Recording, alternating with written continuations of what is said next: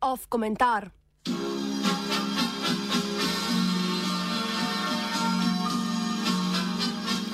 Stran poti olimpijskega ognja.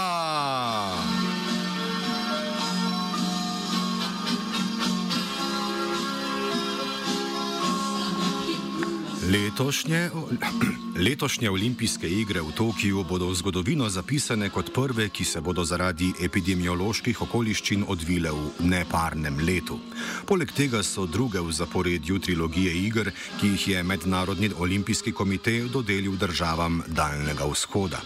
Po zimskih olimpijskih igrah pred tremi leti, ki so luč sveta uvidele v južnokorejskem okrožju Pjongčang, se bo prihodnje leto olimpijski ogenj po letu 2008, tokrat v zimski različici, znova vrnil v kitajsko prestolnico Peking. Če so bile zadnje poletne olimpijske igre v Rio de Janeiro prelomne, bile so namreč prve na južni polobli, z izjemo Avstralije, bo pestrost gostiteljev bodočih iger izrazito manjša. Po Tokiu, ki se bo torej zgodil po letu več kot je v navadi, bo športna elita leta 2024 že tretjič zbrana v Parizu, olimpijado kasneje pa že tretjič v Los Angelesu. Mednarodni olimpijski komitej ali krajše MOK je sicer že pred leti izrazil namero, da bi po vzoru policentričnega svetovnega razvoja možnost organizacije iger prepustil državam zunaj kapitalističnega zahoda oziroma opulentnih azijskih držav. Toda od mednarodno vključujoče ambicije je ostala zgolj na vides prijazna, a vprašljiva gesta.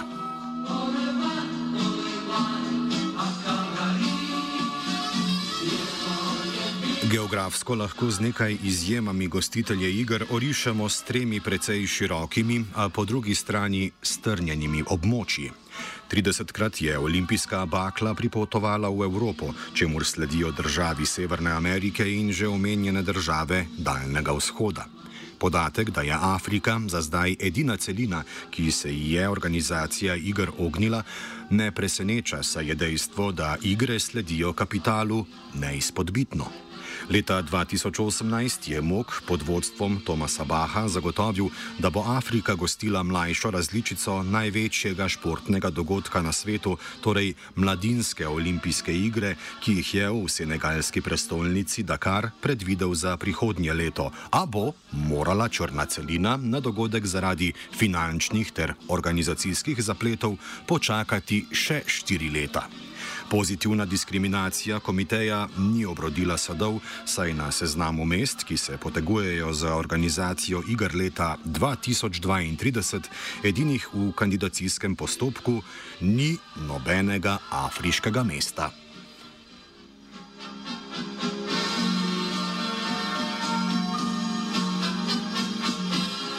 Lahko bi rekli, da je količina razpoložljivih sredstev pri izbiri gostitelja iger poglavitni pogoj Mednarodnega olimpijskega komiteja, a tega kljub vsemu ne smemo posploševati. Nad vse zanimiva izjema so bile denimo olimpijske igre leta 1984 v Sarajevu, za katere je dihala celotna Jugoslavija. Kljub uložkom v izgradnjo prej neobstoječe infrastrukture, ki je bila po razpadu SFRJ zapisana propadu, je bila cena sarajevskih iger ena nižjih. Skupni stroški edinih iger v jugovzhodni Evropi v višini 94 milijonov evrov so v primerjavi z zadnjimi zimskimi igrami v Južni Koreji, za katere je ta država odštela kar slabih 11 milijard evrov, zanemarljivi. Ne na zadnje, vse stransko uspešnost Sarajevskih igr dokazuje tudi trditev takratnega predsednika komiteja Juana Antonija Samaranča, ki jih je na zaključni slovesnosti označil za najboljše do takrat. Kljub temu, da lahko kultne igre v Sarajevu vzamemo za vzor ekonomične organizacije, smo v sodobnosti priča naraščajočemu trendu skupne cene igr. Rekord v tej nešportni kategoriji pa do danes držijo škandalozne igre v Kaukaškem Sočiju, ki so Rusijo stale vrtoglavih 47 milijard evrov.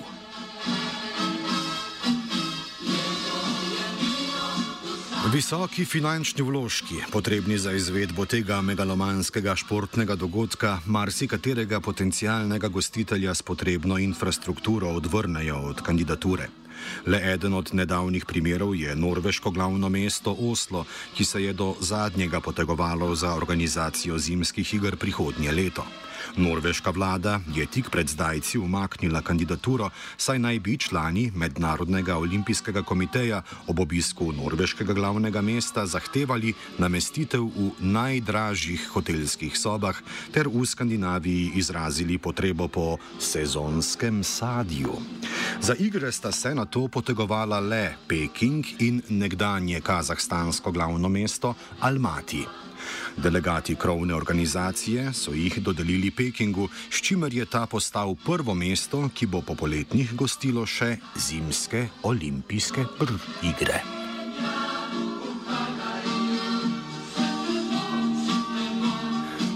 Organizacija iger vrh vsega ni le finančni zalogaj, temveč morajo potencijalni kandidati pridobiti tudi podporo lokalnih oblasti ter vzpostaviti mrežo birokratov, infrastrukturnih gradbincev in, ne nazadnje, političnih operativcev.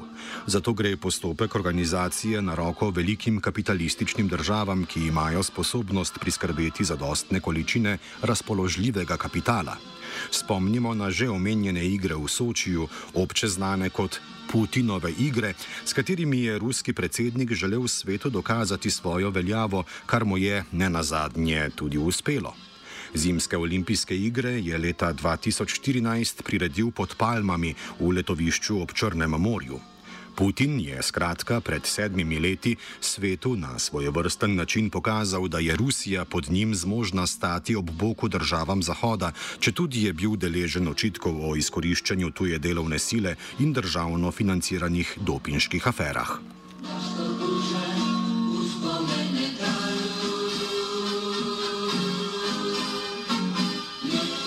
Igre v Sočiju dokazujejo, zakaj je kljub nekaterim prizadevanjem Mednarodnega olimpijskega komiteja organizacija iger v Afriki Sizifovo delo. Potreba po zagotovitvi z vsako olimpijado naprednejše infrastrukture, ki prekaša prejšnjo, zahteva kapital, tega pa ob mobilizaciji ljudstva premorejo le vele sile. Cena iger je previsoka za marsikatero zrelo evropsko demokracijo, kaj šele za katero od afriških držav, ki še vedno okrevajo po kolonializmu. Olimpijske igre so postale vir izkazovanja moči ter obenem indikator zmožnosti prilagajanja pohlepnim športnim birokratom. Kandidaturni postopki so zgolj formalnost, ki prikriva usojenost velikih športnih dogodkov vele silam. Še en pokazatelj je skorajšnji finančni zlom zadnjih iger pod krhko brazilsko demokracijo. Te so pod sloganom Novi svet nakazovale začetek želenega naglega razvoja Južne Amerike, a so Braziliji prinesle k večjemu velike finančne dolgove in korupcijske škandale. Ravno tako lahko v isto kategorijo držav, ki so jim igre bolj škodile kot koristile, prištejemo evropske države. Organizacija iger, ki so se leta 2004 vrnile v zibelko olimpizma, Atene, je prispevala k grškemu finančnemu zlomu, nezmožnost posthumnega življenja olimpijskih objektov pa je nekaj let bremenila celo imperialni London po letnih igrah 2012.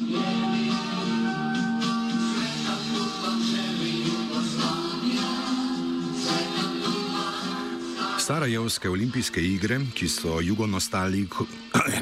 Sarajevske olimpijske igre, ki so jugonostalgikom dale tudi brezčasnega vučka in vsem znani rek: Volimo Jureka više od Bureka, so torej svojevrsten primer edinstvenega socialističnega projekta, ki je pustil svoj pečat v zgodovini največjih športnih dogodkov. Edine olimpijske igre v socializmu, če Moskvo 1980 in ameriški bojkot pustimo ob strani, so namesto spektakla, s katerim se dan danes kitijo azijske olimpijska mesta ponudile personifikacijo olimpizma. Brez bajnih količin kapitala še danes upodabljajo olimpijski duh v pravem pomenu besede. Toda podoba sodobnosti je daleč od jugonostalgične podobe Sarajeva. Olimpijske igre, katerih skupni stroški potenčno naraščajo, vedno pogosteje potujejo v države avtokratskih voditeljev, pa čeprav ima marsikatero evropsko mesto vso potrebno infrastrukturo. Jasno je, da so se igre preobrazile v kapitalistični produkt z omenjenim krogom potrošnikov.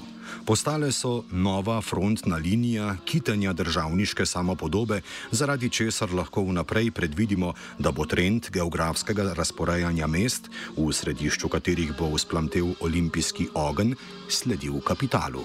Naj le hudomušno pripomnimo, da je eden izmed potencijalnih gostiteljev igr leta 2032 Katarska Doha, ki bo prihodnje leto gostila svetovno prvenstvo v futbalu.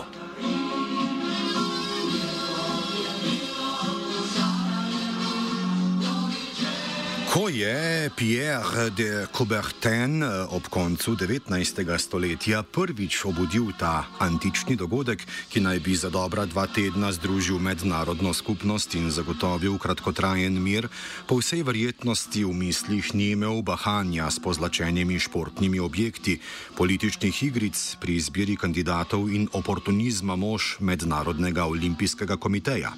Od idealiziranega koncepta olimpijskih iger je ostala zgolj športna plat, kapital pa olimpijskemu ognju onemogoča, da bi usplamtev tudi v državah, ki sicer nimajo sredstev za spektakl.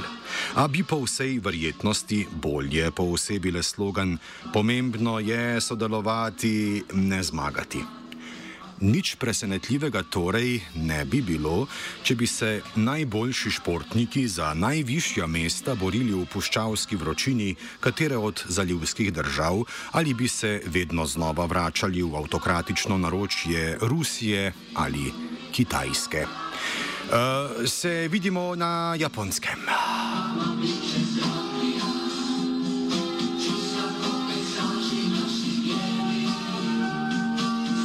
さよなら。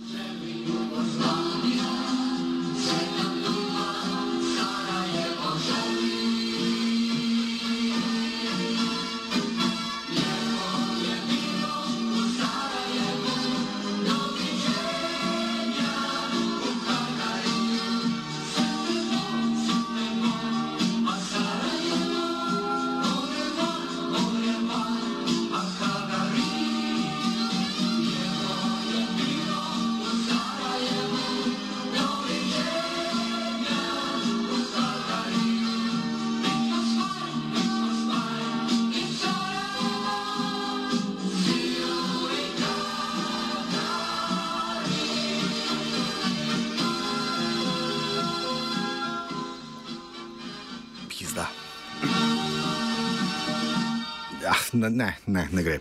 Ov komentar je pripravil Matija, pizde niste slišali.